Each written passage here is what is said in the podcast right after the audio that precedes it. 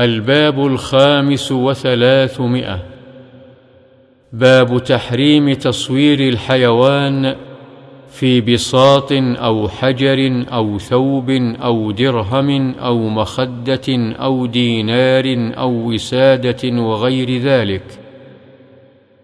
وتحريم اتخاذ الصور في حائط وسقف وستر وعمامة وثوب ونحوها. والأمر بإتلاف الصورة. عن ابن عمر رضي الله عنهما أن رسول الله صلى الله عليه وسلم قال إن الذين يصنعون هذه الصور يعذبون يوم القيامة. يقال لهم أحيوا ما خلقتم. متفق عليه. وعن عائشة رضي الله عنها قالت قدم رسول الله صلى الله عليه وسلم من سفر وقد سترت سهوة لي بقرام فيه تماثيل فلما رآه رسول الله صلى الله عليه وسلم تلون وجهه وقال يا عائشة أشد الناس عذابا عند الله يوم القيامة الذين يضاهون بخلق الله.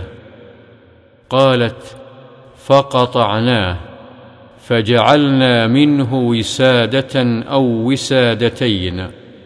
متفق عليه. القرام بكسر القاف هو الستر والسهوه بفتح السين المهملة وهي الصفة تكون بين يدي البيت وقيل هي الطاق النافذ في الحائط. وعن ابن عباس رضي الله عنهما قال سمعت رسول الله صلى الله عليه وسلم يقول كل مصور في النار يجعل له بكل صورة صورها نفس. فيعذبه في جهنم. قال ابن عباس فإن كنت لا بد فاعلا فاصنع الشجر وما لا روح فيه. متفق عليه. وعنه رضي الله عنه قال سمعت رسول الله صلى الله عليه وسلم يقول من صور صورة في الدنيا كلف أن ينفخ فيها الروح يوم القيامة وليس بنافخ. متفق عليه. وعن ابن مسعود رضي الله عنه قال سمعت رسول الله صلى الله عليه وسلم يقول إن أشد الناس عذابا يوم القيامة المصورون. متفق عليه. وعن أبي هريرة رضي الله عنه قال سمعت رسول الله صلى الله عليه وسلم يقول قال الله تعالى ومن أظلم ممن ذهب يخلق كخلقي.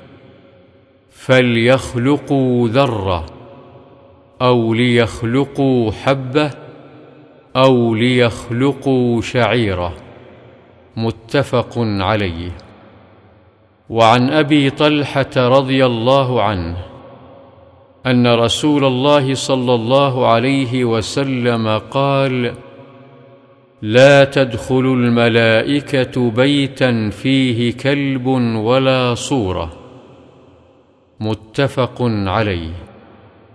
وعن ابن عمر رضي الله عنه قال وعد رسول الله صلى الله عليه وسلم جبريل أن يأتيه فراث عليه حتى اشتد على رسول الله صلى الله عليه وسلم فخرج فلقيه جبريل فشكى إليه.